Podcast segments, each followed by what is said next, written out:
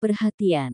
Semua isi podcast ini merupakan pengalaman atau pandangan pribadi admin. Bila mana ada pihak yang merasa dirugikan, ya bodoh amat, sana bikin podcast sendiri.